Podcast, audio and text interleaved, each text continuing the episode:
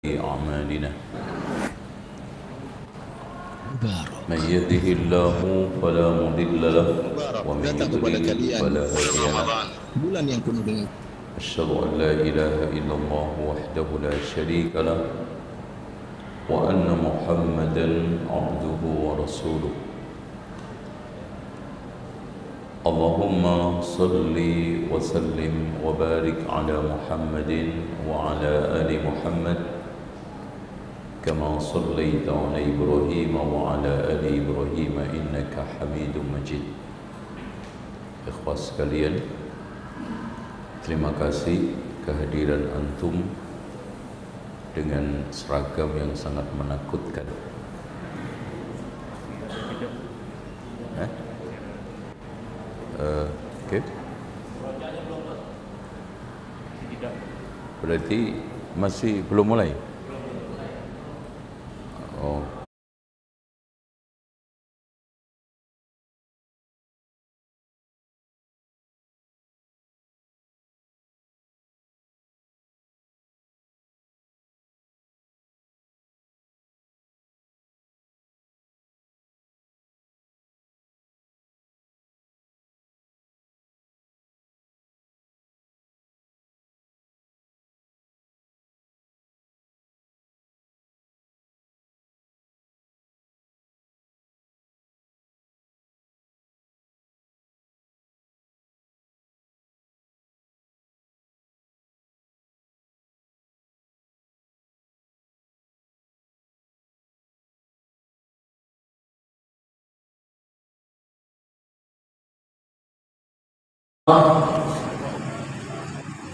واشهد ان محمدا رسول الله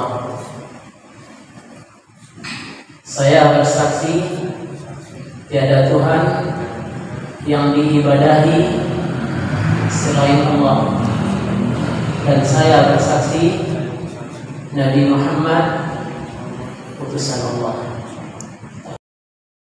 Assalamualaikum warahmatullahi wabarakatuh.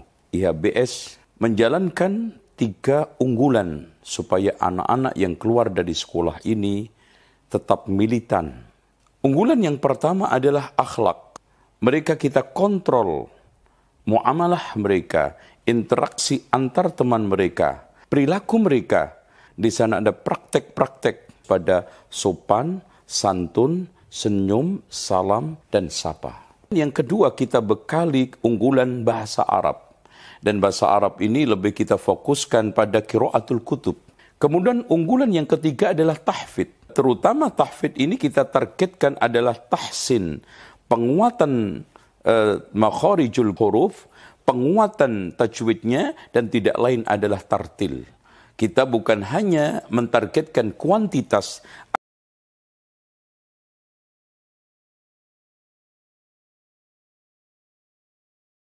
rabbuna wa yarda.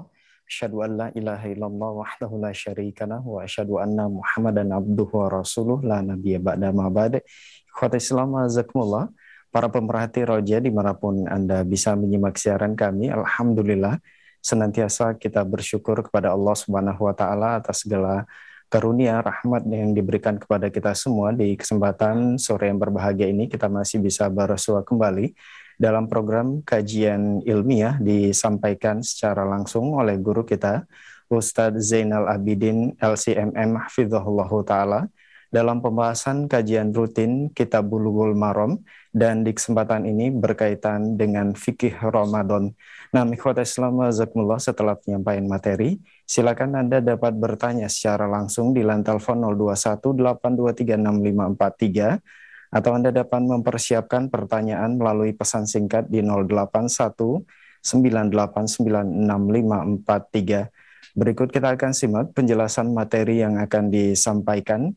Selanjutnya kami persilakan kepada Al Ustadz Faliyatafaddal Mashkur Ustadz. Bismillah. Bismillah. Diperhatikan. Assalamualaikum warahmatullahi wabarakatuh.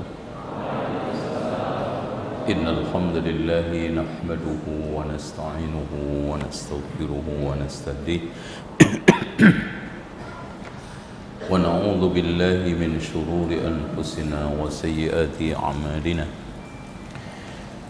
من يهده الله فلا مضل له ومن يضلل فلا هادي له. أشهد أن لا إله إلا الله وحده لا شريك له وأن محمدا عبده ورسوله. اللهم صل وسلم وبارك على محمد وعلى آل محمد كما صليت على إبراهيم وعلى آل إبراهيم إنك حميد مجيد Ikhwas sekalian, saudaraku seiman, seperjuangan, wabil khusus karyawan IHBS yang ikut kajian wajib.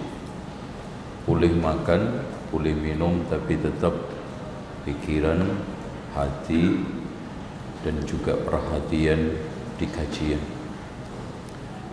Inna fi dhalika ladhikra liman kana lahu qalbun au alqas sam'a wa huwa syahid itu syarat apa pun termasuk ngaji. Tayyib kita akan membahas masalah fikih saum dari kitab Bulughul Maram. Saum sendiri itu artinya adalah imsak. Inni nadartu lirrahmani saumah falan ukallimal yawma insiyah Maryam bernadar kepada Allah saum tidak bicara. Imsak anil kalam Nah untuk mendapatkan keterangan tentang fikih puasa kita baca hadis satu persatu di dalam Bulughul Maram yang bawa dibuka di dalam kitab Saum ya. Silakan. Pak Nana ada lagi? Masya Allah ngaji nggak pakai kitab ini zaman Imam Syafi'i masuk akal karena hafalannya kuat ini ngapal enggak baca enggak bawa kitab enggak. Jadi super mi ummi enggak berarti ummi itu enggak kenal baca enggak kenal tulis. Enggak kenal tapi apalannya kuat. Ya jadi saya sarankan untuk membawa kitab. Bulughul Maram.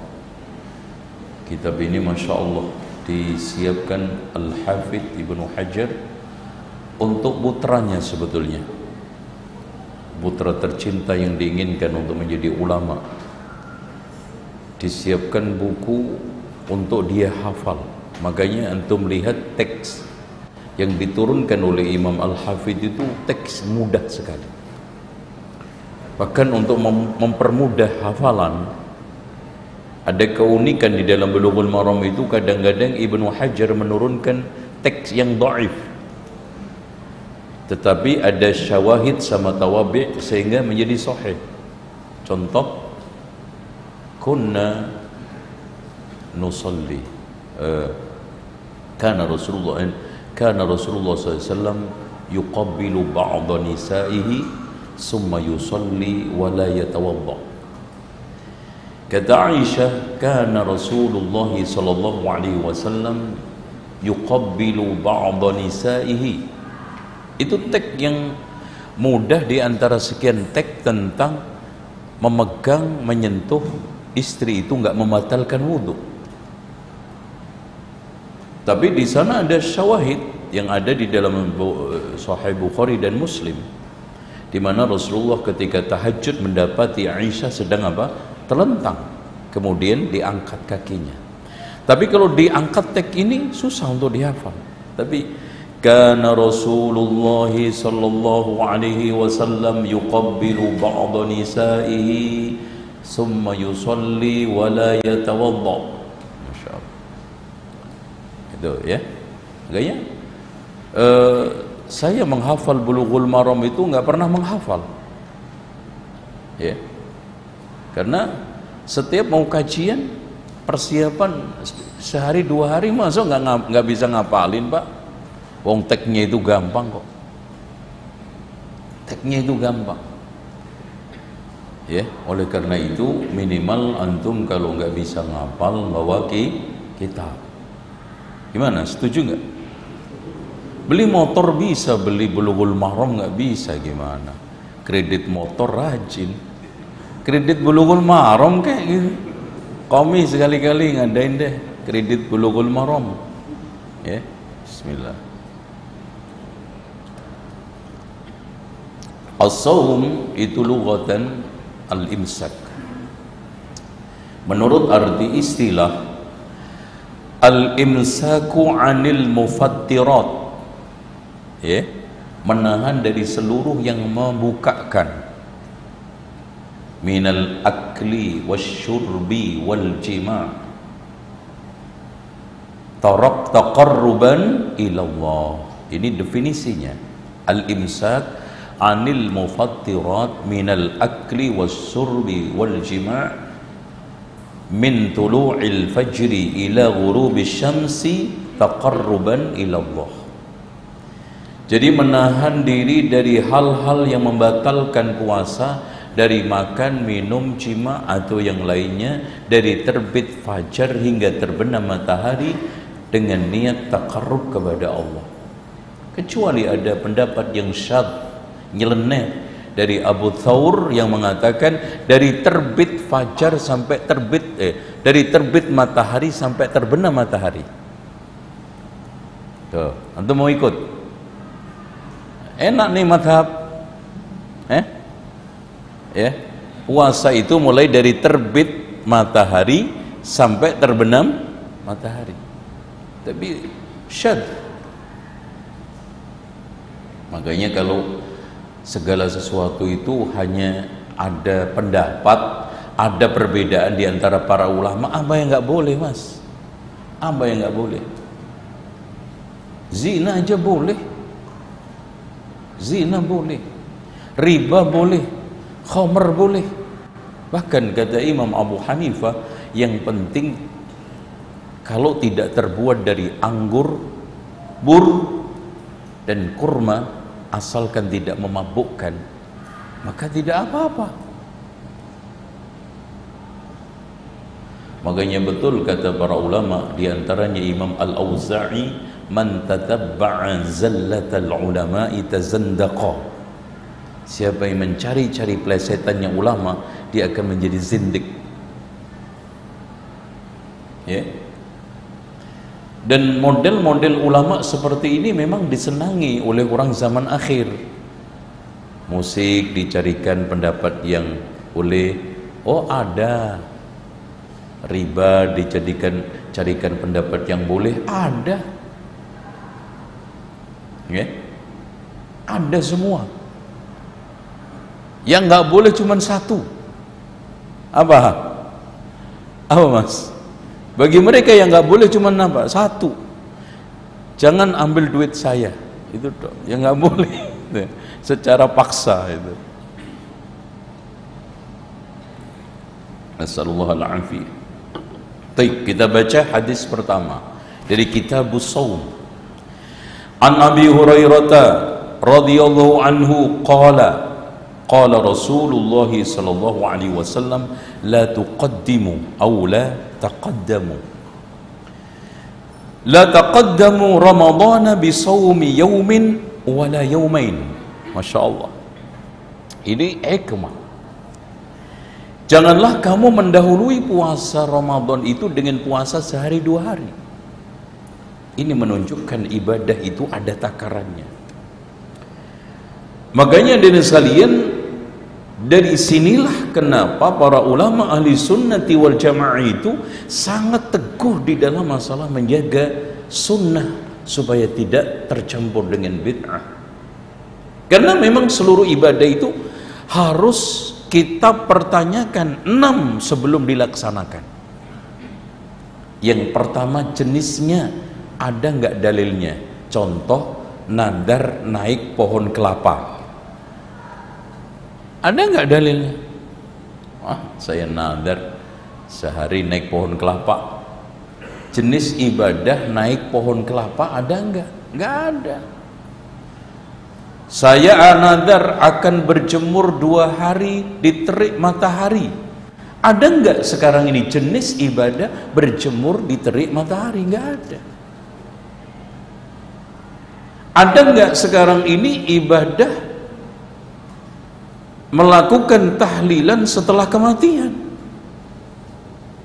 Kayak gitu pertanyaannya. Ini jin jinsul ibadah. Yang kedua, kadar ibadah. Zuhur empat rakaat. Kenapa gagal lima? Ya kan gitu. Ramadan sebulan. Coba bayangkan tadi didahului sehari aja nggak boleh. Sholat juga begitu. Nanti kaitannya dengan waktu. Sebelum dua menit aja pak, nggak sah. Ah cuma dua menit. Ya kan gitu. Jenis kadar yang kedua, kaifiyah. Caranya ruku ada, caranya sujud ada, caranya iktikaf ada, caranya itiba ada. Semua kaifiyah nggak boleh kita ngarang.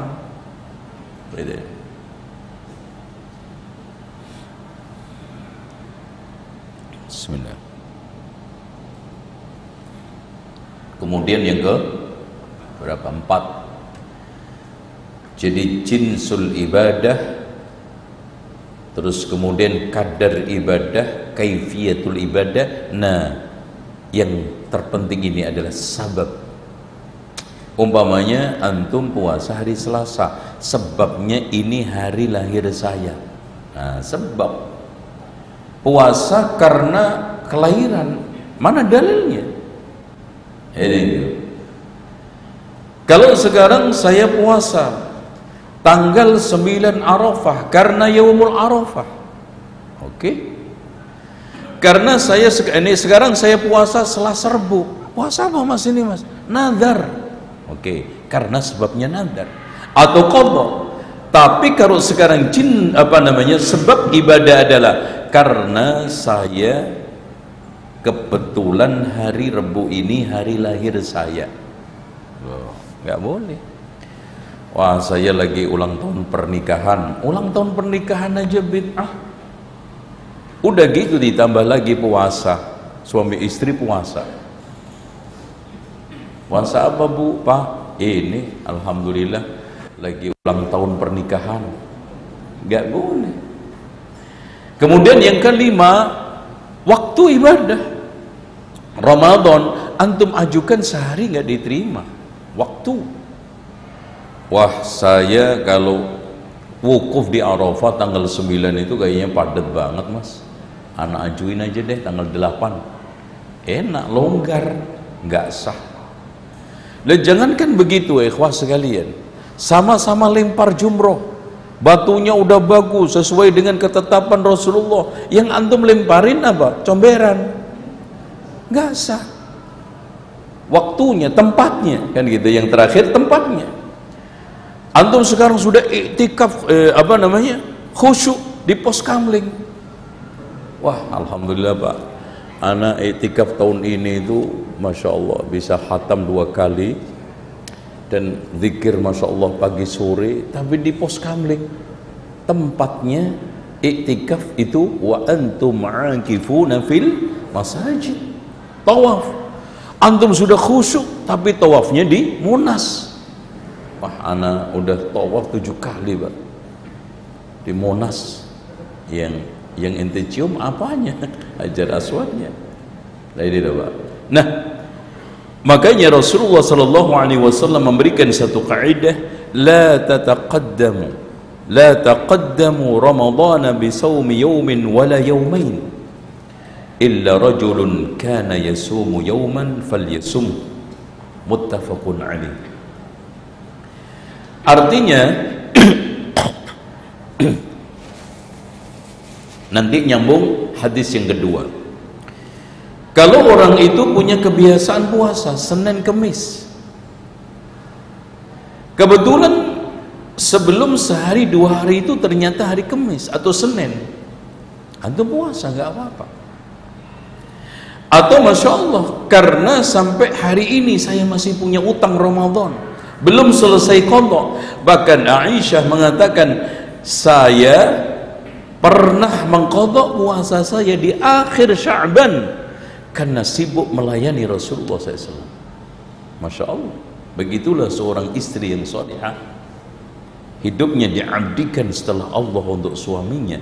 Karena memang pintu surganya itu bukan di mall, bukan sekarang di karirnya, di prestasi dunianya, tapi kata Rasulullah, ayyuma mra'atin samat شهر صامت شهرها وصلت خمسها وطاعت بعلها وحصنت فرجها قيل لها ادخل الجنة من الأبواب الثمانية الشيء dikatakan silahkan masuk surga dari pintu mana saja dan hadis ini jarang dipahami wanita sebagai hadis karunia dari Allah tetapi sebagian besar wanita memahami hadis ini sebagai beban enak aja loh suami keras kepala, besar kepala. Masya Allah, keras kepala, besar kepala. itu coba bayangkan itu. Terus apalagi ya, diperlakukan seperti itu, suruh ngalah, suruh ini. Subhanallah, surga yang paling tertinggi wanita bahkan dipersilahkan oleh Allah Subhanahu wa taala masuk surga dari pintu mana saja yang ada delapan itu dan jarang amalan yang Allah perlakukan seperti itu jarang. Tapi sebagian wanita dijadikan sebagai beban bukan karunia. Ya. Makanya kalau wanita itu faham hadis Rasulullah SAW lau amartu ahadan an yasjuda li ahadin la amartu imra'atan an tasjuda li zawjiha kenapa? Li'idhami haqqihi 'alaiha. Besar haknya karena surga nerakanya masih loh simpelnya perempuan menyimpang salah teledor. Akhirnya dia itu berdosa. Itu tanggung jawab suami. Itu loh karena konsekuensi ya ayyuhalladzina amanu qu anfusakum wa ahlikum nar. Makanya kata Rasulullah SAW, ayyuma eh, ma min 'abdin mu'minin yastar'ihi Allahu ra'iyatan yamutu yawma yamutu wa huwa ghashin li ra'iyatihi fa haramun 'alaihi ra'ihatul jannah. Seorang hamba mukmin mana saja diberikan oleh Allah kepercayaan termasuk rumah tangga termasuk istri anak. Mati saat mati dia itu menipu tanggung jawabnya maka dia tidak akan menemukan bau surga. Berat. Kayaknya antum jadi laki-laki itu bukan pajangan pajangan rumah tangga. Antum jadi laki-laki itu manusia sosok tanggung jawab makanya kawin itu berhasilnya bukan bisa sekedar membayar maharnya, menyiapkan tempat walimahnya, membayar cateringnya, kemudian setelah itu bisa menyiapkan perumahannya, setelah itu bisa memenuhi belanja rumah tangganya. Tetapi lebih daripada itu menyelamatkan ku anfusakum wa ahdikum nar. Supaya antum tidak menipu. Jangan-jangan di depan saya ini penipu semua nipu istrinya, nipu anaknya, masuk neraka, dibiarkan berbagai macam kemungkaran di dalam rumah tangganya. Makanya Syekh Utsaimin mengatakan termasuk membiarkan alat-alat haram musik di rumahnya adalah laki-laki yang menipu rumah tangganya. Itu antum baca fatwanya Syekh Utsaimin. Penjelasan beliau, ta'liq beliau terhadap hadis ini. Mamin 'abdin mu'minin yastad'ihi lahu ra'iyatan yamutu yawma yamutu wa huwa ghashin li ra'iyatihi fa haramun 'alaihi ra'ihatul jannah Baik. Kita masuk hadis yang kedua. Ya, silakan Pak Nana karena Pak Nana yang bawa buku sendirian. Diperhatikan. Wan Ammar ibnu Yasir. Ya. Saya tidak banyak menjelaskan tentang sahabiah atau sahabat. Qala ya an Ammar ibn Yasir radhiyallahu anhu ma qala man sama alladhi man sama al-yawm alladhi yushakku fihi faqad asa Abul Qasim sallallahu alaihi wasallam rawahu al-Bukhari ta'liqan aw mu'allaqa wa wasalahu al-khamsah maksudnya diriwayatkan oleh Imam Bukhari secara ta'liq tetapi yang lainnya khamsah meriwayatkan secara mausul. Maksudnya sanatnya nyambung. Taib. Ini memberikan penegasan pada hadis yang pertama tadi. Bahwa puasa sebelum Ramadan yang dilarang adalah semata-mata karena ragu-ragu kemudian dia memilih puasa untuk ihtiyat hati-hati itu nggak boleh. Tetapi kalau sekarang ini ada kebiasaan karena ada kobok karena adanya suatu puasa yang memang dia itu tidak ragu pasti umpamanya dia melanjutkan Sya'ban karena larangan idan tasofa Sya'ban falatasumu itu bagi orang yang tidak kuat takut nanti Ramadan lemah kalau tidak boleh maka nggak ada masalah jadi yang dilarang la taqaddamu Ramadan bi saumi yaumin au yaumain adalah yaumus syak. Ah udah deh. Ini perbedaan nih antara BMKG Muhammadiyah sama NU tentang awal Ramadan. Karena BMKG mengatakan umpamanya hari Ahad Muhammadiyah hari apa? Sabtu.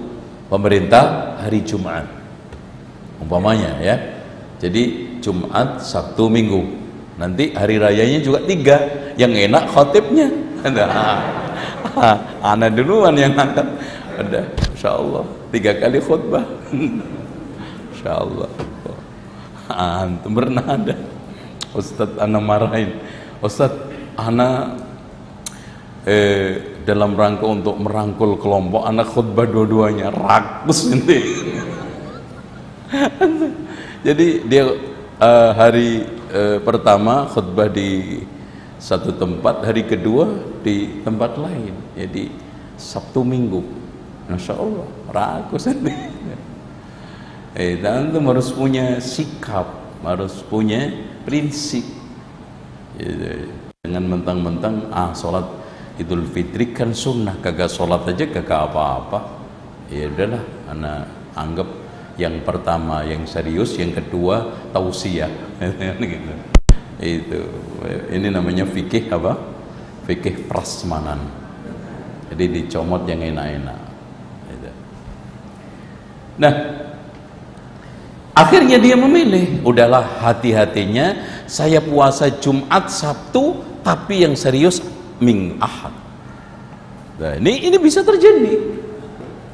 Karena adanya perbedaan ada kemungkinan puasa awal menurut Saudi Jumat menurut Indonesia Sabtu menurut Muhammadiyah Ahad umpamanya.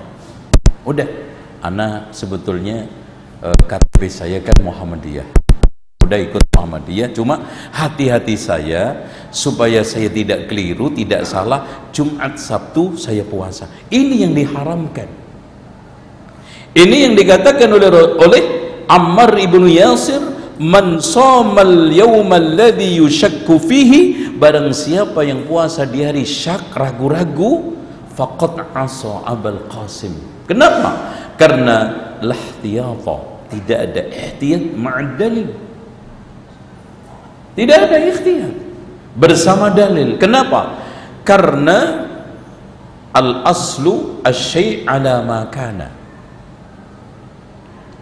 Aslu syai ala makan ala huwa makan yang segala sesuatu itu kita perlakukan apa adanya. Jadi jangan sekarang ini Sya'ban kita timpahi Ramadan tanpa dalil.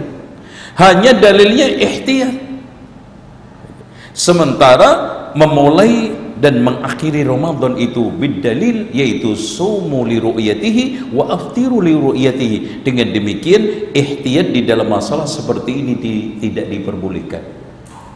Tidak diterima. Dengan demikian clear dua hadis ini memberikan pengertian kepada kita. Kalau mendahului puasa Ramadan sehari atau dua hari karena adat kebiasaan umpamanya biasa puasa Senin Kemis. Ternyata sebelum sehari dua hari itu Kemis atau Senin silakan. Atau kodok atau nadar dan yang lainnya. Tetapi kalau hanya ihtiyat maka faqat asa abal qasim. Sekarang hadis yang ketiga. Diperhatikan Wan Abdi wa an Abdullah bin Umar radhiyallahu anhu radhiyallahu anhu maqala Sami'tu Rasulullah sallallahu alaihi wasallam yaqul Idza ra'aitumuhu fasumu wa idza ra'aitumuhu fa'aftiru fa in ghumma 'alaikum faqduru lah. Wa li muslim fa in ughmi 'alaikum faqduru lahu walil Bukhari fa akmilul iddata thalathin. Walahu fi hadith Abi Hurairah radhiyallahu anhu fa akmilu iddata sya'ban thalathin. Dari rangkuman hadis ini kita bisa simpulkan bahwa wajib memulai puasa itu dengan ru'yatul hilal. Ya. Gimana Pak? Pak Syarif. Antum seragamnya berbeda sendiri putih jadi kena. Sorotnya putih jadi ngantuk. Pak Sodik seragam baru ente mana? Belum dicuci? Makanya ngantuk juga ya. ya karena sudah mulai jadi cimat itu. Ya tolong diperhatikan. Hadirin sekalian dengan ru'yatul hilal. Sumu li ru'yatihi wa aftiru li ru'yatihi. Kalau seandainya di sana wa un wa ughmiya yaitu kehalang mendung apalagi wilayah-wilayah tropis maka kita disuruh untuk faqduru lahu salasin kita kira-kirakan 30 atau fa'akmilu maksudnya sempurnakan bilangan Sya'ban itu 30 artinya kalau tanggal 29 malam 30 di ru'yah ternyata tidak kelihatan maka disempurnakan 30 bah ini artinya puasanya baru besoknya. Jadi seperti ini kan tanggal 29 umpamanya. Besoknya tanggal 30 ternyata malam maghrib ini di ru'yah tidak dilihat maka tanggal 30 besok dinyatakan bagian daripada Sya'ban. Fa'akmilu al-iddah salasin. Itu. Bukan yarji hisab. Bukan kita kembalikan kepada hisab sebagaimana yang telah di uh, apa namanya ditempuh oleh Abdullah ibnu Sikhir. Di antara sekian tabi'in hanya satu saja yang mengusulkan yang berpendapat yaitu Abdullah As-Sikhir mengatakan bila tanggal 30 eh, tanggal 29 Sya'ban di ru'yah ternyata hilal tidak ditemukan entah karena mendung terhalang atau memang tidak terlihat maka kembali kepada hisab kalau hisab tersebut ternyata besoknya tanggal 1 ya sudah. Kalau hisab itu ternyata tanggalnya tanggal 30 Sya'ban ya baru nunggu besoknya. Seperti itu. Ini perbedaan antara uh, jumhur ulama dengan Abdullah As-Sikhir tersebut.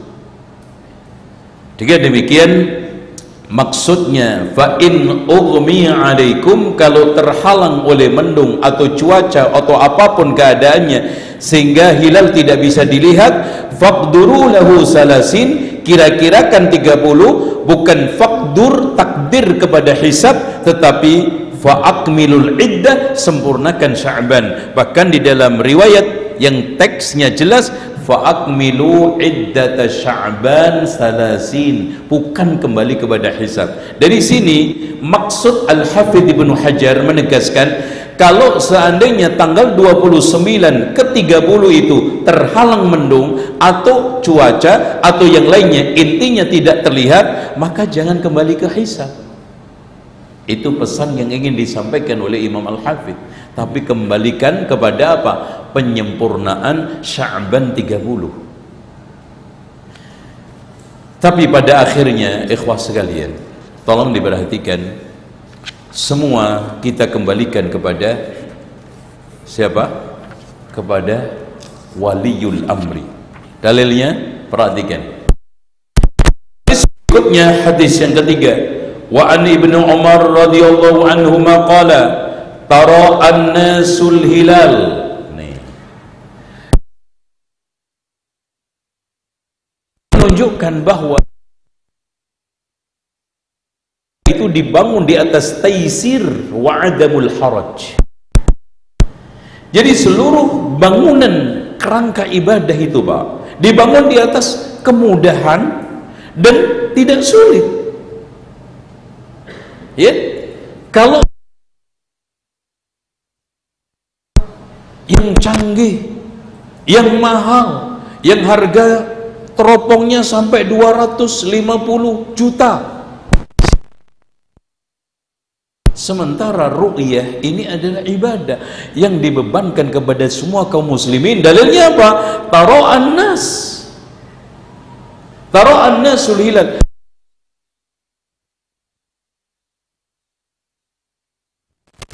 Di mana semua orang punya yaitu mata. Selesai udah. Lihat puasa. Tidak puasa.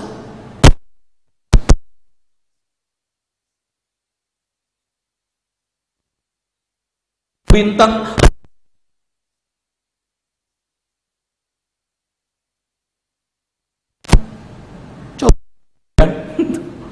Yang pertanyaan sederhana, zaman Rasulullah, zaman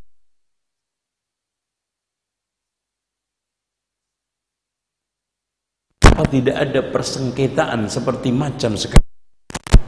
Oke mana perselisihan antara Quraib dengan Abdullah ibnu Abbas. Pada saat Quraib diutus oleh Ummul Fadl untuk menemui Muawiyah di sana ditemukan sementara di Madinah ditemukan malam malam uh, ini uh, apa namanya di Makkah ya. Di Makkah malam Sabtu. Apa kata Ibnu Abbas? Saya terus puasa sampai saya sempurnakan 30 kata Quraib apakah kamu tidak mencukupkan ru'yahnya Muawiyah? Tidak. Tapi akhirnya selesai yang menjadi permasalahan Pak, meskipun di sana ada perselisihan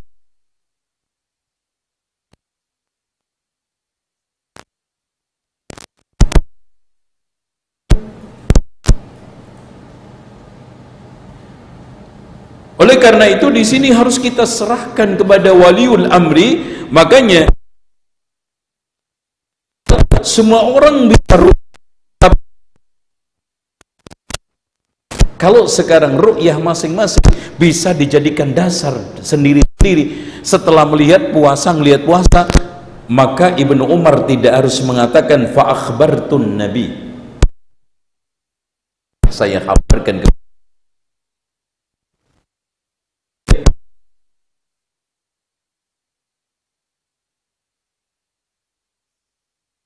perintahkan mulai puasa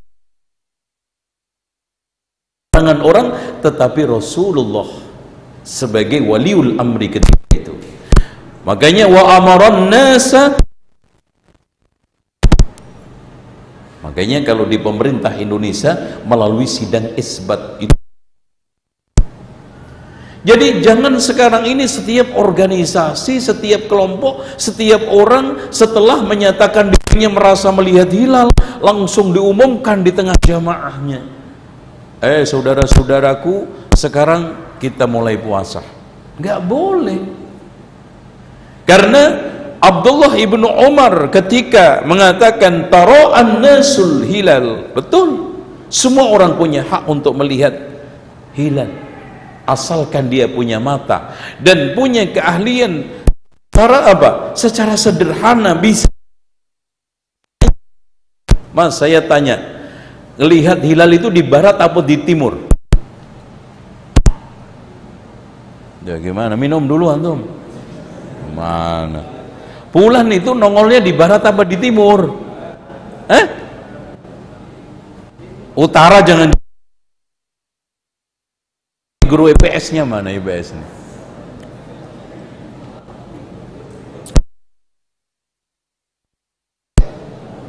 Eh? Eh?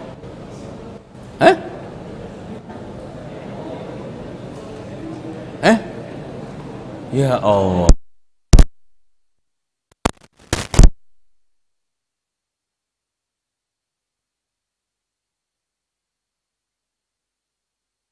Eh? Timur Barat.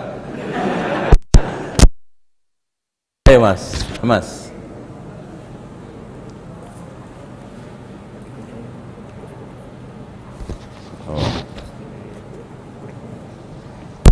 Ya, silakan. Timur apa barat? Oh.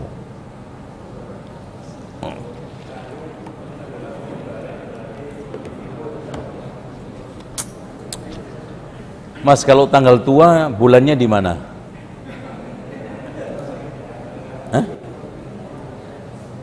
Mas, makanya kenapa terjadi kesulitan melihat karena berlawanan dengan apa? Matahari. Sehingga kalau matahari dulu tenggelam celk baru nongol nah itu baru hilal kadang-kadang barengan. Nah ini hilal enggak kadang-kadang nongol dulu baru tenggelam. Ya ada bulan itu nongol dulu seret baru tenggelam. Berarti ini untuk hari? Ada kalau gitu perlu diadakan kursus ru'yah falak-falak ya. Jadi uh, antum ahlu ro'yah wal hisab kayaknya. Rokok payah dan hisab. Di barat Pak ya. Sehingga ketika makanya posisi lihat itu dibutuhkan kejelian. Karena uh, kena bias apa? Kena bias matahari. Ya kalau di timur enak. Oh, gede karena akhir bulan. Aduh, parah tuh. Oke. Tara an-nasul hilal fa akhbartu an-nabi anna anni ra'aituhu fa sama wa amara an-nas. Jadi yang punya hak untuk memerintahkan umat itu adalah waliul amri. Ya. Sehingga tidak boleh sembarangan. Dengan demikian, ini sekarang kita masuk ke hadis Ibnu Abbas radhiyallahu anhuma anna a'rabiyan jaa ila nabi. Lihat lihat Pak. Seorang badui aja datang ke Rasulullah SAW ini ra'aitul hilal. Badui punya apa Pak? Punya keker. Punya alat canggih. HP yang sekarang S20 aja nggak punya. Tapi disahkan Rasulullah Sallallahu Alaihi Wasallam sebagai orang yang berhak untuk boleh untuk melihat hilal. Nah soal nanti diterima tidak itu tergantung syaratnya kan gitu. Faqala inni ra'aitul hilal. Dia mengatakan kepada Rasulullah, "Ya Rasulullah, saya melihat hilal." Faqala atashhadu an la ilaha illallah? Apakah engkau bersyahadat bahwa tidak ada Tuhan yang berada disembah kecuali Allah? Qala na'am. Qala atasyhadu anna Muhammadar Rasulullah. Dari sini syarat saksi itu muslim. Muslim ya tidak melakukan uh, kefasikan itu. Jadi syarat-syarat syahadah kesaksian itu diterima satu dia itu muslim dua dia tidak melakukan kebid'ahan tiga dia tidak melakukan perbuatan kefasikan dosa di antara sekian dosa adalah apa? Merokok. Makanya perokok nggak boleh jadi ahli hisab. Eh, gimana? Perokok nggak boleh jadi ahli ru'yah. Eh, kalau ahli hisab boleh. Itu kan gitu. Nggak boleh. Karena apa? Karena itu termasuk dosa. Wong rokok sendiri mengatakan rokok membunuhmu. Segala sesuatu yang sekarang menghantarkan kepada pembunuhan, Pak. Itu di dalam kaidah usul fikih mana pun, kawaid fikih itu dosa besar. Rokok mem, merokok membunuhmu. Waduh, masya Allah.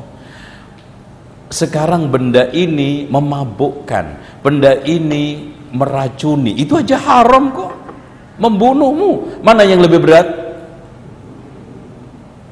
Loh, kok nggak dukung gue loh mana yang lebih berat? Membunuhmu meracunimu. Mana? Membunuhmu. Itu loh. Qala na'am qala fa'adhan. Masya Allah. Jadi faqala fa'adhin fin nasi ya Bilal. Kumandangkan azan wahai Bilal untuk manusia an yasumu ghadan. Maksudnya diumumkan untuk puasa besok. Subhanallah seorang badui datang. Dari sini menunjukkan bahwa kalau masuk Ramadan itu cukup satu saksi kalau keluar Ramadan harus dua. Kenapa? Karena dari halal ke haram itu lebih mudah daripada haram ke halal. Makanya kenapa persaksian nikah itu lebih ketat daripada persaksian cerai? Karena kalau nikah itu kan artinya apa? Al-bud'u haramun. Kemaluan itu kan haram. Aslinya kemaluan seluruh wanita itu haram. Untuk laki-laki. Kecuali kan gitu. Nah dinikahi. Dari haram kepada halal dengan melalui proses pernikahan itu disyaratkan dua saksi. Makanya la nikaha illa biwaliyin wa syahidai adlin maka sama. Karena asalnya puasa itu kan haram makan. Kemudian dihalalkan ke Idul Fitri. Makanya dua saksi. Sehingga menurut pendapat yang sahih kalau masuk Ramadan cukup satu saksi kalau keluar Ramadan harus dua saksi. Tuh. Fa'adzin fin ya Bilal an yasumu ghadan rawahul khamsah Khuzaimah wa ibnu Hibban wa warajjah an-Nasa'i irsalu. Jadi hadis ini adalah mursal. Taib. Wa an Hafsah ummil mu'minin radhiyallahu anha anna an-nabiy sallallahu alaihi wasallam qala nah ini sudah mulai masuk bagaimana tata cara dan adab puasa. Nomor satu adalah niat. Dan niat untuk puasa sunnah boleh pagi hari setelah terbit fajar. Tapi kalau untuk puasa Ramadan harus sebelum fajar. Nah, apakah niat ini setiap malam? Ini ada khilaf di antara para ulama dan yang rajih al aslu fin niyah lisawmi fil awal. Jadi aslinya niat pada waktu puasa itu di awal kemudian hari kedua ketiga dan berikutnya adalah tajdidan untuk memperbarui saja. Tuh, oleh karena itu yang harus niat dan jangan sampai lewat adalah di puasa yang pertama. Ini khilafiyah di antara para ulama ini permasalahannya apakah puasa ini ibadah sendiri-sendiri setiap hari atau satu ibadah? Sama juga Pak, tahajud itu per rakaat per salam itu ibadah sendiri-sendiri atau nyambung. Kalau ibadah ini sendiri-sendiri berarti per kita sholat habis taslim kita takbiratul ikhram harus iftitah. Tapi kalau ini satu ibadah cukup iftitahnya di awal. Makanya di antara para ulama mengatakan untuk tahajud cukup iftitah di, iftitah di awal. Berikutnya nggak perlu. Begitu juga kalau sekarang Ramadan ini dari awal sampai akhir itu satu ibadah, sama juga tawaf sa'i. Apakah tawaf pertama kedua itu nyambung satu atau sendiri-sendiri? Ini ada konsekuensinya. Kalau umpamanya antum kentut di tawaf yang kedua, konsekuensinya mulai dari awal apa tawaf yang ketiga? Nah, sama ini kalau yang mengatakan bahwa tawaf ini satu rangkaian ibadah tidak bisa dipisah-pisah maka ketika dia itu batal harus mulai dari awal. Kentut tut awal lagi. Kentut lagi tut awal lagi. Nggak selesai selesai. Ya kan gitu. Makanya pendapat yang mengatakan menegaskan bahwa ibadah pisah-pisah dan kalau terjadi hadas maka boleh memulai di tempat hadas tersebut maka itu lebih aslah lebih maslahat. Dan juga mengatakan bahwa Ramadan ini adalah satu paket. Oleh karena itu dibolehkan niat di awal adapun kedua ketiga adalah tajdid sehingga di sini hadis yang diriwayatkan dari Hafsah Ummul Mukminin radhiyallahu anha anna Nabi sallallahu alaihi wasallam qaal man lam yubayyit as-siyama qabla al-fajr di sini ada teks. Walaupun ada sebagian teks hadis tidak menyebutkan qabla al-fajr tapi di sini disebutkan man lam yubayyit as-siyama qabla al-fajr fala siyama lahu. Dan antum perhatikan Pak teks-teks yang tadi saya katakan nas-nas hadis yang diturunkan oleh Imam Al-Hafidh pendek-pendek, enak-enak, mudah untuk dihafal. Wallahi kelas SD aja bisa apalagi SMA apalagi guru-guru. Coba sambil merem. Malam yubayyiti siyama qabla al-fajri fala siyama lahu. Enak. Itu. Orang yang nggak ngerti bahasa Arab aja apal apalagi yang ngerti ngerti? Nggak hafal. Nah, itu. Enak masya Allah. La siyama liman lam yubayyiti siyama minal lail. Nah kan gitu. Enak. Tinggal kemauan ya. Pokoknya masya Allah pak Imam Al Hafidh Ibnu Hajar ini menyiapkan untuk dibuat hafalan.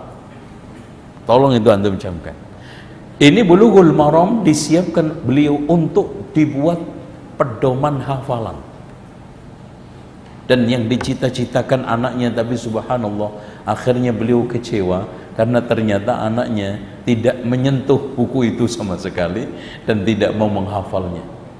Walaupun begitu subhanallah andaikan Ibnu Hajar tahu buku ini telah dihafal oleh jutaan manusia setelah wafatnya beliau maka beliau tidak perlu sedih. Ya Allah a'lam bishawab la siyama liman lam yafridhu minal lail aw lam yubayyit minas ini minal lail. Baik dengan demikian rukun puasa yang pertama adalah niat dan niatnya fil lail. Ya. Rukun yang keduanya adalah al waqt min tulu'il fajri ila ghurubis syams. Ya. Terus yang ketiganya adalah imsak.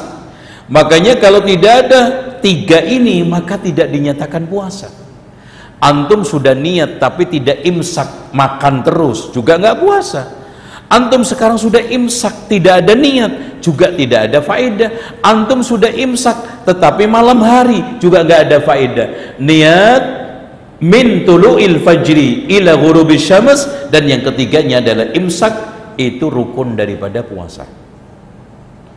Hadis yang berikutnya, wa Aisyah radhiyallahu anhu anha qalat دخل علينا علي النبي صلى الله عليه وسلم ذات يوم فقال هل عندكم شيء Masya Allah Pak ini menunjukkan betapa kehidupan Rasulullah Sallallahu Alaihi Wasallam itu amat sederhana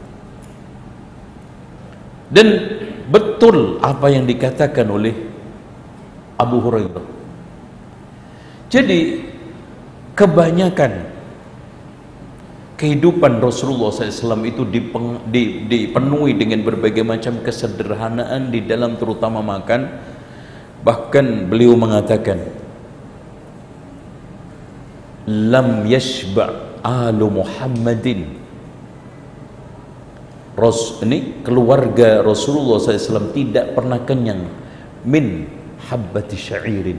Dari gandum yang paling jelek kandung hanya sekedar diayak ya tidak pakai dibikin tepung macam-macam. Bahkan sangat amat sederhana tepung diambil yang masih ada kulitnya yang ada bijinya dimasak. Udah dimakan. Kadang-kadang ditaburin dengan daging aja itu sudah istimewa. Ya coba bayangkan pak. Gandum dimasak ditaburin apa? Daging itu sudah makanan paling istimewa yang disebut dengan apa? Sarit. Sampai dibuat perumpamaan. Ya keutamaan Aisyah di atas semua perempuan seperti keutamaan makanan al-tharij di atas makanan-makanan yang lainnya. Sementara antum pizza masuk burger masuk ya. Apalagi ya eh, kebab masuk yang Turki yang lokal ya belum lagi roti-rotian belum lagi gorengan belum lagi subhanallah. Ya dan anehnya penyakit manusia pada akhir usianya itu rata-rata itu kolesterol darah ya. Kolesterol trigliserid asam urat. Itu naik semua turun. Yang naik cuma tiga. Gitu semua turun pandangan turun pendengaran turun semua turun. Yang naik trigliserid asam urat itu aja. Masya Allah. Ini ini penyakit orang rakus sebetulnya pak. Anak, maaf, ini bahasa kasarnya penyakit orang rakus kan. Lihat di, di zaman Rasulullah Shallallahu Alaihi Wasallam, makanya kenapa tanda-tanda akhir zaman itu pak banyak orang yang mati mendadak dan faktornya adalah jantung karena itu semua. Zaman Rasulullah itu makanannya sudah sederhana, geraknya itu aktif, jihad terus. Sekarang anak tantang aja deh, antum bawa pedang panjangnya satu meter, ente giniin sejam, kemeng nggak antum? Sementara sahabat-sahabat Rasulullah SAW itu perang berapa hari pak?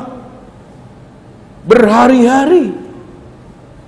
Lompat dari kuda satu ke kuda lain, ganti dari onta satu ke onta lain, bedang bedangnya oh, belum lagi ada yang panjangnya lebih daripada satu meter Makanya bentuk tubuhnya mereka-mereka sahabat radhiyallahu anhum itu atletis semuanya. Antum cek aja bagaimana sifatnya Rasulullah SAW.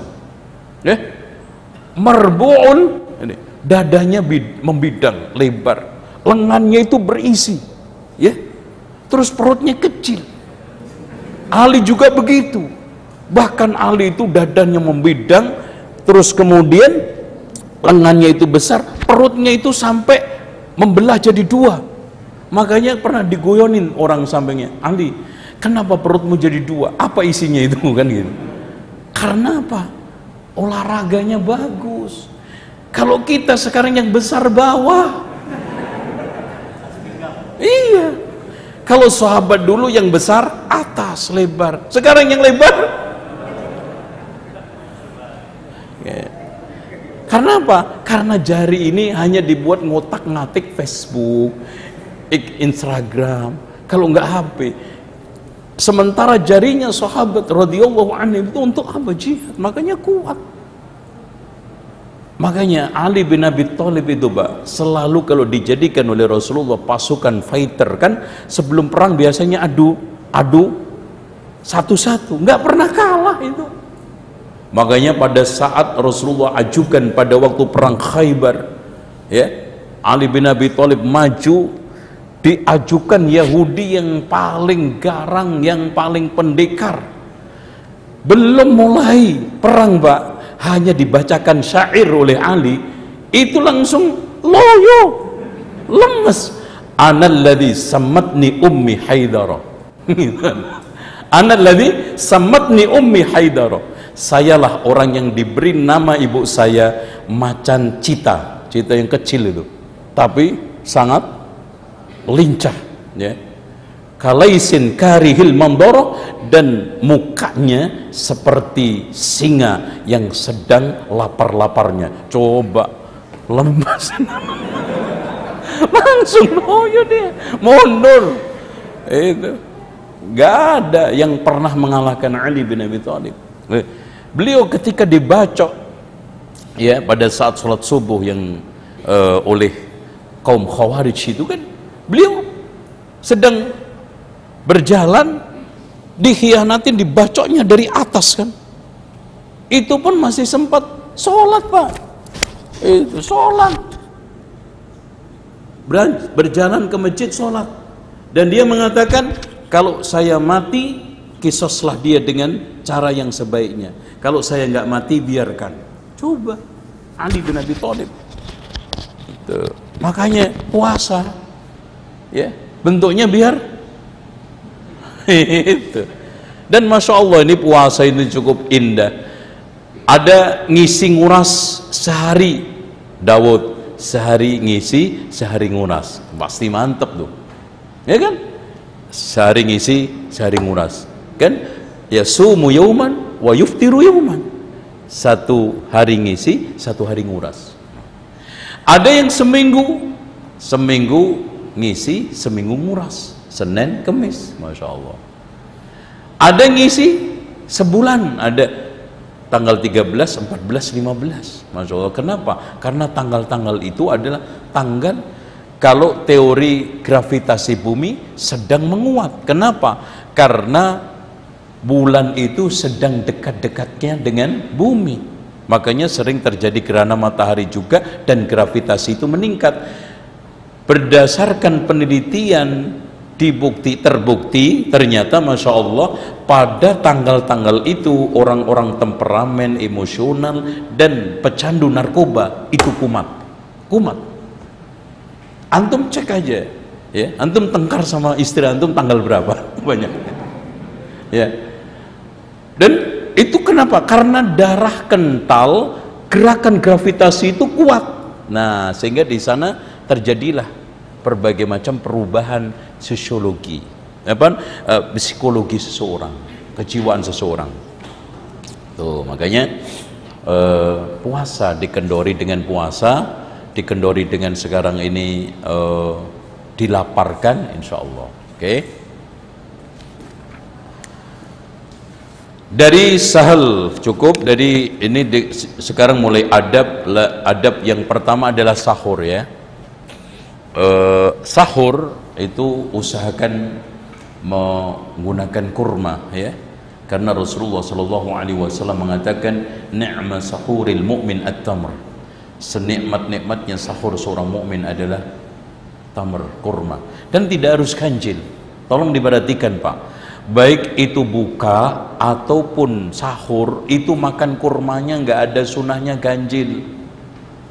Ada yang hanya pura-pura pengen nambah aja Pak masih genap tambah ganjil. Ganjilnya sebelas lagi kenapa harus sebelas? Nggak tiga gitu loh.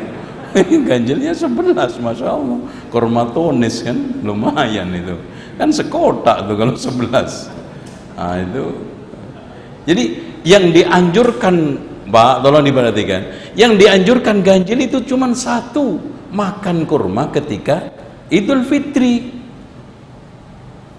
jadi kalau sekarang ada mengatakan makan korma buka disunahkan ganjil, makan korma eh, eh, eh, makan korma untuk sahur disunahkan ganjil, hadisnya mana? Kalau Idul Fitri kan dianjurkan makan sebelum sholat, itu ganjil memang ada dalilnya, gitu ya.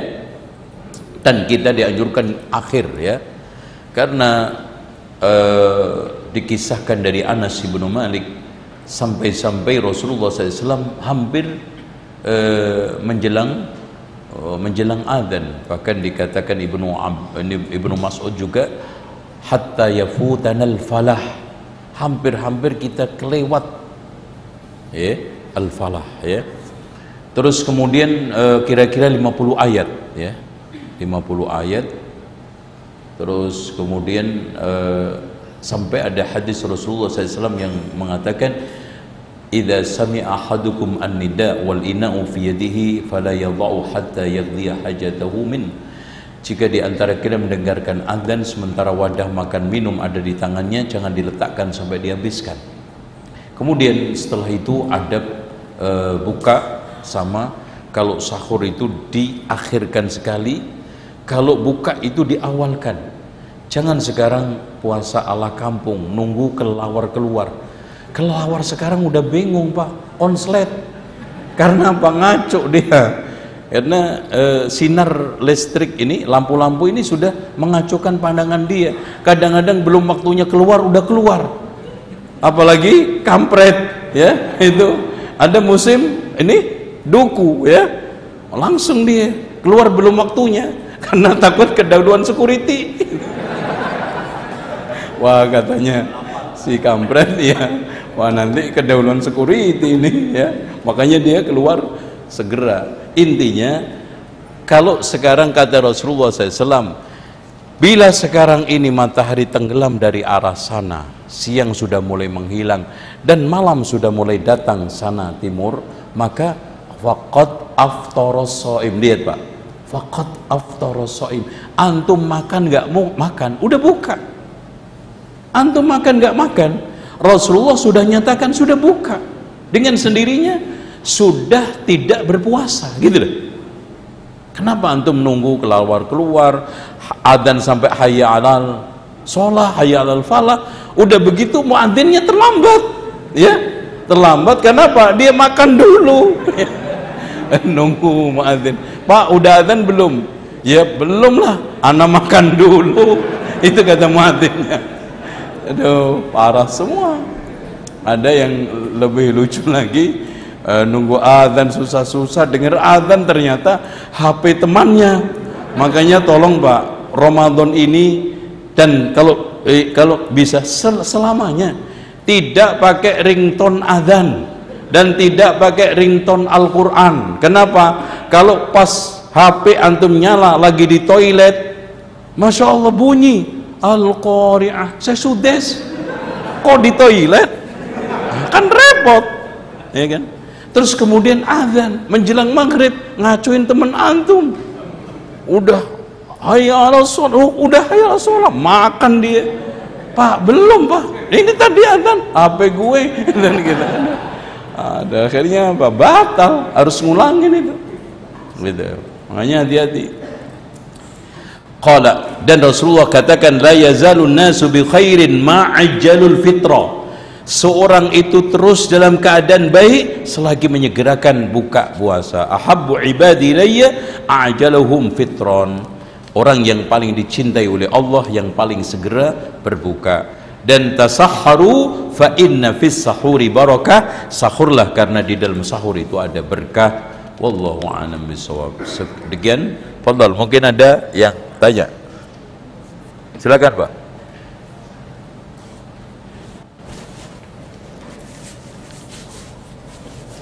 Adapun hal-hal yang membatalkan ya ma ma maklum ya saya enggak ini kan nanti e, tinggal antum sempurnakan yang disunahkan, yang dimakruhkan. Tafadhol, mungkin ada yang tanya.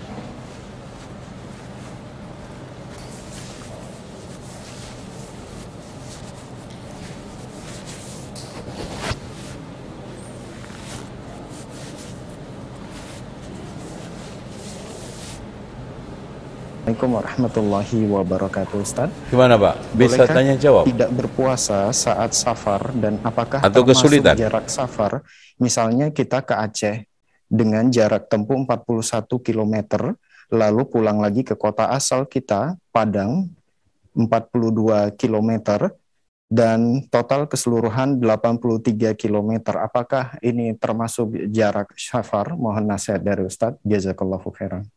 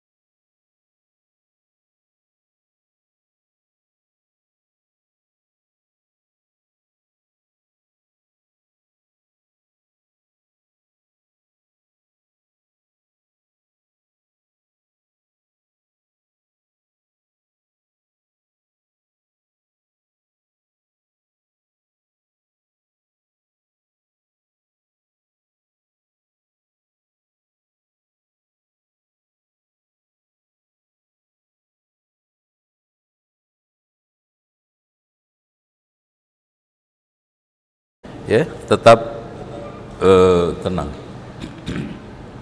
Ini kajian. Uh, ikhwas sekalian safar itu menurut pendapat yang rojih yang kuat adalah digantungkan kepada uruf. Tidak kepada masafah mahdah apalagi zaman sekarang ada yang mengatakan bahwa yang penting dia itu sudah masuk ke daerah lain. Subhanallah sekarang Bekasi sama Jakarta itu udah nyambung. Ya. Dan kalau zaman dahulu ya itu masya Allah jauh. Bekasi. Bahkan sekarang ini Pak untuk pergi dari satu provinsi ke provinsi lain itu butuh setengah jam dengan kendaraan sepeda bagi yang tinggal di daerah Ciledug ke Jakarta. Iya. Itu udah provinsi Banten dengan provinsi Jakarta. Sama juga. Yang mereka tinggal di Keranggan itu kan masuk wilayah Jakarta. Sebelahnya sudah masuk Bekasi oleh karena itu kata Imam Ibnu Taimiyah uruf orang safar musafir itu beda dengan zahaba zahib pergi sama bepergian. Kalau pergi itu zahaba pergi ke warung. Beda enggak dengan pergi ke Solo? Pergi ke Jogja. Dia pasti menyiapkan perbekalan. Ganti pakaian. Bawa uang saku dan adanya suatu perjalanan-perjalanan yang membutuhkan alat kendaraan. Mau nggak mau. Untuk yang lainnya mungkin bawa kendaraan tapi bisa aja ditempuh dengan jalan kaki. Contoh beli kopi ke depan. Ya orang Indonesia kan ke mana aja pakai motor ya. Ke depan aja pakai motor itu. Tapi kalau sekarang di negara-negara lain itu bahkan lebih nyaman jalan kaki dalam konteks seperti ini maka masafah itu tidak menjadi alat saklek. Kata Imam Syafi'i memang betul safar yang dibolehkan orang itu kosor dan juga buka puasa adalah kira-kira jarak 72an kilo. Ya tetapi kalau sekarang itu kita bikin saklek maka tidak bisa juga karena contoh sekarang orang pergi ke e, daerah e, Soekarno-Hatta itu jaraknya berapa ke Soekarno dari Bogor ke Soekarno-Hatta Berapa?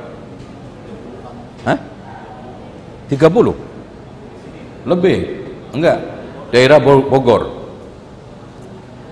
Oleh karena itu bagi ingin bagi orang yang ingin menetapkan apakah boleh mengambil rukhsah maka lebih baik digantungkan kepada huruf. Hurufnya orang itu dinyatakan bepergian ketika dia itu menyiapkan perbekalan ganti pakaian. Dan memang syaddur rihal adanya suatu kendaraan yang disiapkan untuk pergi dan mau tidak mau harus pakai kendaraan maka orang tersebut dikatakan musafir. Sehingga di sini apa yang dikatakan oleh Rasulullah SAW la tusafirul mar'atu masafata qasrin. Di situ baru kena. Dan juga boleh buka puasa dan seterusnya. Adapun sekarang jarak 45, 55 untuk jarak-jarak sekitar Jakarta ini tidak boleh. Ya.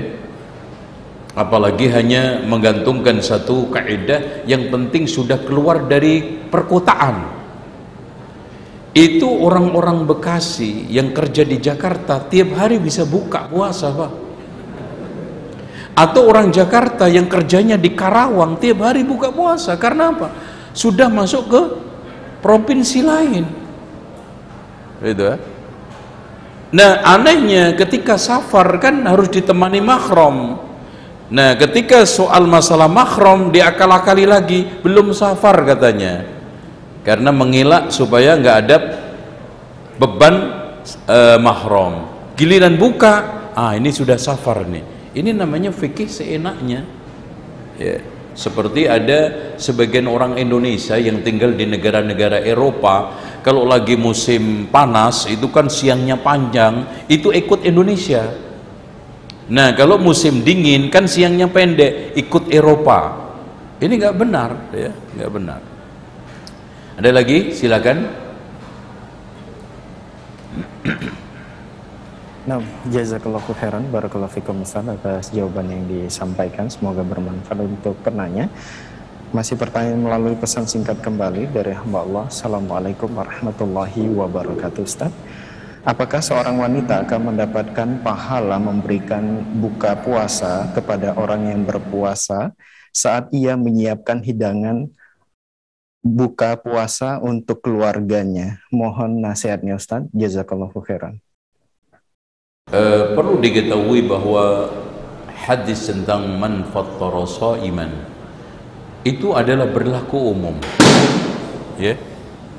Berlaku umum bagi siapa saja yang memberi buka termasuk untuk keluarganya Masya Allah man iman di situ Allah subhanahu Rasulullah SAW ung apa namanya angkat dengan kalimat nakirah jadi man fattara iman kana lahu mithla ajri man sama ghairu annahu la yanqusu min ujurihi syai'a.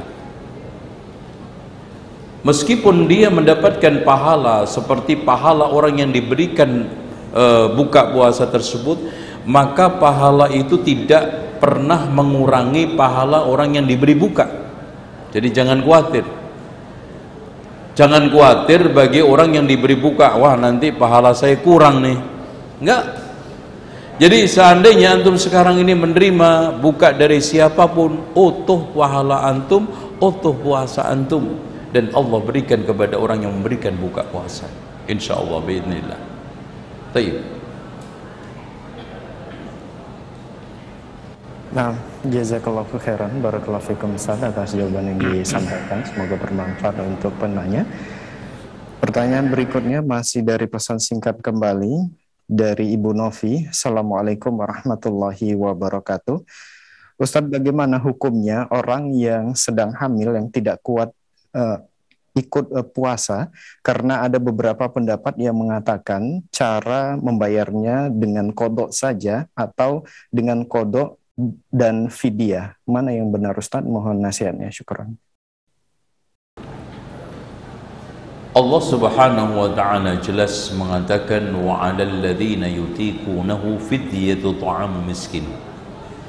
Para ulama memasukkan orang-orang yang masuk di dalam kelompok ayat ini di antaranya adalah seorang tua renta yang sudah tidak kuat puasa atau orang yang kena penyakit menaun yang tidak ada harapan sembuh atau al-murdi wal hamil orang yang sedang menyusui dan juga orang yang sedang hamil. Ini masuk semua. Adapun orang-orang yang masuk ke dalam kategori bahwa udur itu suatu ketika akan hilang dan hanya sementara semua masuk ke dalam fa'iddatun min ayyamin ukhor contoh safar contoh sakit yang ada harapan sembuh contoh orang yang kerja berat kemudian tidak kuat untuk puasa maka boleh untuk membatalkan maka itu kewajibannya adalah qadha. Ya ini e, contoh aja ada orang yang melihat orang tenggelam tidak mungkin bisa menyelamatkan kecuali harus berbuka maka dia harus membatalkan puasa. Kenapa? Jangan-jangan saya menyelamatkan mati juga karena nggak kuat menarik itu apalagi saya bentuknya krempeng. Yang saya selamatkan ini gendut. Nggak mungkin saya kuat ngangkat sementara saya sendiri. Maka buka dulu minum. Makanya Rasulullah SAW mengatakan kalian-kalian ini akan menyerang musuh. Wal fitru aqwa lakum. Berbuka itu lebih kuat untuk kalian. Makanya Rasulullah perintahkan buka.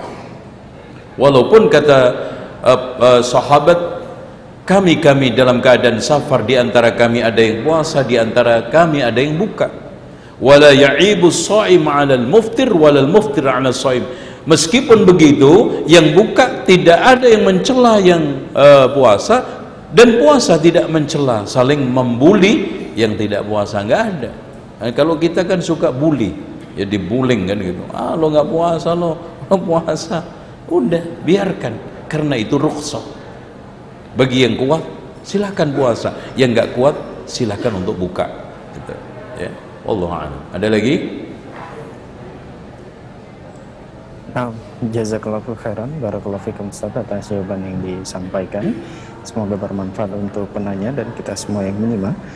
Masih pertanyaan melalui pesan singkat kembali dari hamba Allah. Assalamualaikum warahmatullahi wabarakatuh Ustaz. Waalaikumsalam. Ya, puasa sunnah yang biasa dikerjakan setiap Senin dan Kamis dan dikerjakan juga satu atau dua hari menjelang satu Ramadan. Apakah hal ini dibolehkan Ustaz? Syukran. Uh, perlu diketahui bahwa tadi Rasulullah mengecualikan illa ayyasuma ahadun sauman falyasumhu Artinya larangan kita untuk mendahului Ramadan puasa sehari dua hari itu bagi orang yang tidak punya adat. Kalau dia sekarang sudah biasa puasa Senin Kamis, kebetulan kurang sehari dua hari tadi itu Senin atau Kamis, silahkan. Atau dia sedang mengkodok seperti yang dilakukan oleh Aisyah, atau dia sedang melaksanakan puasa nazar dan yang lainnya silahkan. Yang dilarang seperti di dalam hadis Ammar bin Yasir tadi adalah yaumus syak. Man soma alladhi yawm eh, man soma yaumul ladhi yushakku fihi faqad asa abul qasim. Wallahu a'lam. Ada lagi Nah, syukran wa jazakallahu khairan. Barakallahu fikum Ustaz atas jawaban yang disampaikan. Pertanyaan berikutnya dari hamba Allah. Assalamualaikum warahmatullahi wabarakatuh. Waalaikumsalam. Ustaz, apa hukum mengkodok puasa keluarga yang sudah meninggal dunia? Ibu saya bercerita bahwa bapak selalu mengatakan ia sulit berpuasa karena pekerjaannya adalah seorang supir truk. Dan bapak sudah meninggal, dan uh, sudah bertahun-tahun lamanya tidak berpuasa, bagaimana cara mengkodok puasa tersebut Ustaz? Syukran. Taib. Uh, perlu diketahui bahwa orang yang meninggalkan ibadah secara umum, tolong diperhatikan. Orang yang meninggalkan ibadah secara umum dengan sengaja maka tidak ada kodok ibadah yang hanya menerima kodok itu ibadah yang ditinggalkan karena uzur. Dan nasnya jelas man man nasya an salatin aw nama begitu juga puasa makanya Ibnu Hazm menegaskan siapa yang meninggalkan puasa dengan sengaja maka tidak akan bisa ditutup meskipun puasa satu tahun penuh dan ini juga penguatan dari ucapan Abu Hurairah oleh karena itu siapa yang meninggalkan ibadah puasa, sholat dan yang lainnya secara sengaja maka kewajibannya bukan qadha tetapi taubatan nasuha dengan cara apa? dengan cara bertaubat kepada Allah dengan penyesalan yang sangat tinggi memperbanyak istighfar dan juga bertaubat kepada Allah disertai memperbanyak ibadah-ibadah sunnah terkait dengan ibadah wajib yang ditelantarkan. Contoh kalau dia mentelantarkan sholat-sholat wajib maka memperbanyak sholat-sholat sunnah. Kalau dia mentelantarkan puasa wajib memperbanyak puasa-puasa sunnah. Itu caranya. Ya? A'lam.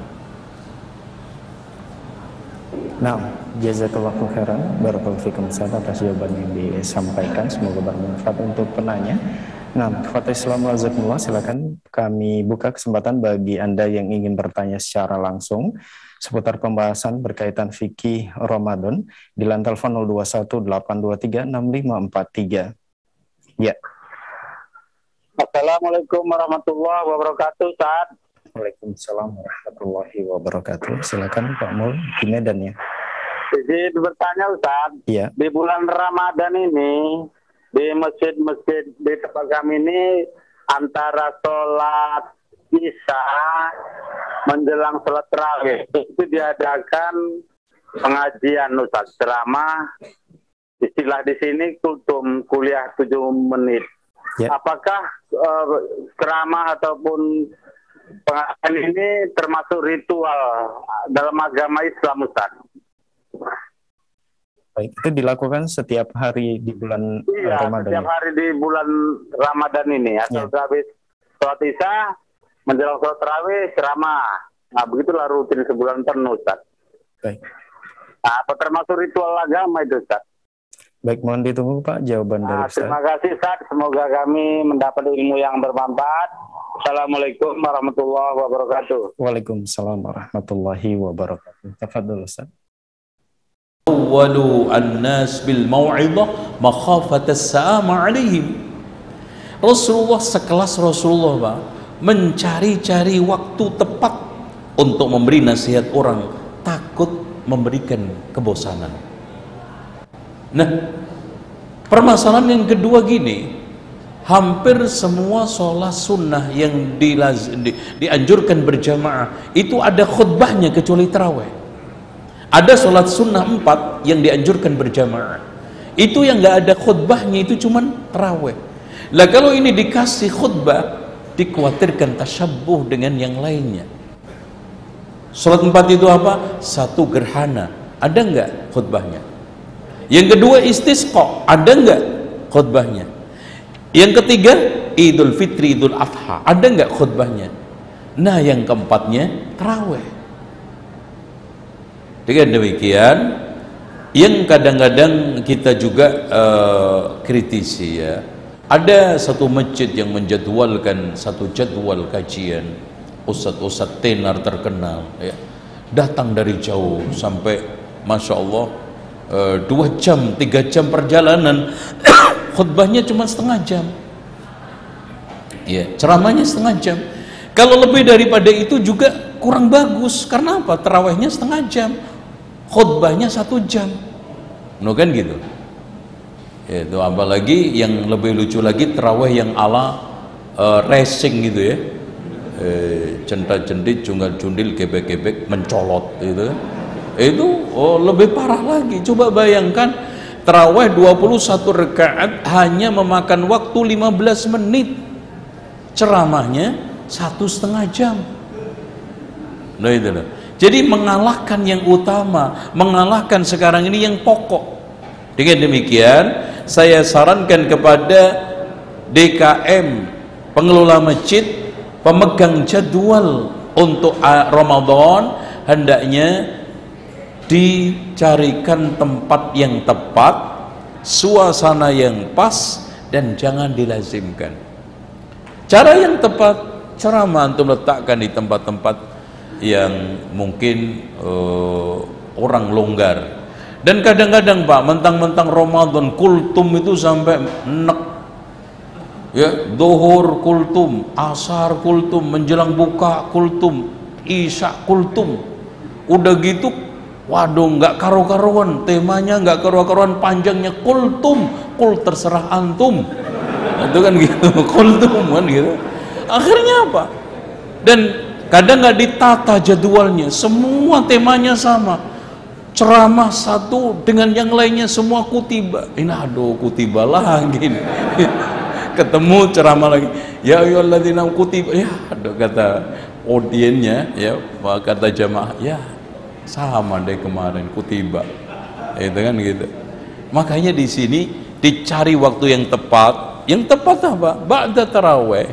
Silakan semua selesai semua clear orang mau pulang-pulang mau ikut kajian silakan jangankan begitu pak khutbah idul fitri saja Rasulullah mengatakan faman sya'a yajlis falyajlis Barang siapa yang ingin duduk dengar khutbah silakan, yang ingin pulang silakan. Padahal itu ritual jelas loh. Ini soal masalah khutbah. Kita tidak melarang, silakan. Tapi kaidahnya seperti yang dikatakan oleh Abdullah ibnu Mas'ud, Rasulullah SAW itu cari-cari waktu yang tepat untuk memberikan nasihat orang, takut menimpakan kebosanan. Wallahu a'lam. Nah, jazakallahu khairan, barakallahu fikum Ustaz atas jawaban yang disampaikan. Semoga bermanfaat. Nanya. Pertanyaan berikutnya kita bacakan dari pesan singkat. Assalamualaikum warahmatullahi wabarakatuh dari hamba Allah. Ustaz mohon maaf, sahwat saya sangat cepat bereaksi meskipun oleh sebab yang remeh. Seperti apabila saya berjalan dan melihat seorang wanita, meskipun saya langsung menundukkan pandangan, akan tetapi ada sesuatu yang keluar atau apabila saya sedang diam kemudian datang pikiran kotor.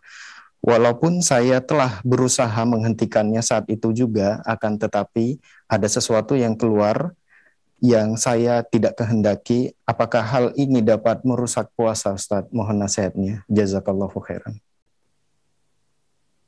Uh, uh, tolong diperhatikan ini pertanyaan terakhir dan habis ini kita tutup dan ini penting soal ghaddul basar soal yang lebih penting lagi apa? Khainatul a'yun. Sering di antara kita berkhianat di dalam pandangan mata. Iyyakum wan nadhar. Fa inna lakal ula wa laysa lakal thaniyah waspadalah terhadap pandangan. Apalagi yang kita pandang itu memfitnah. Dan jelas. Saya tanya sama Ustadz Faruk beda enggak? Reaksi mata antum ketika memandang wanita 91 dengan 19 beda enggak? Beda.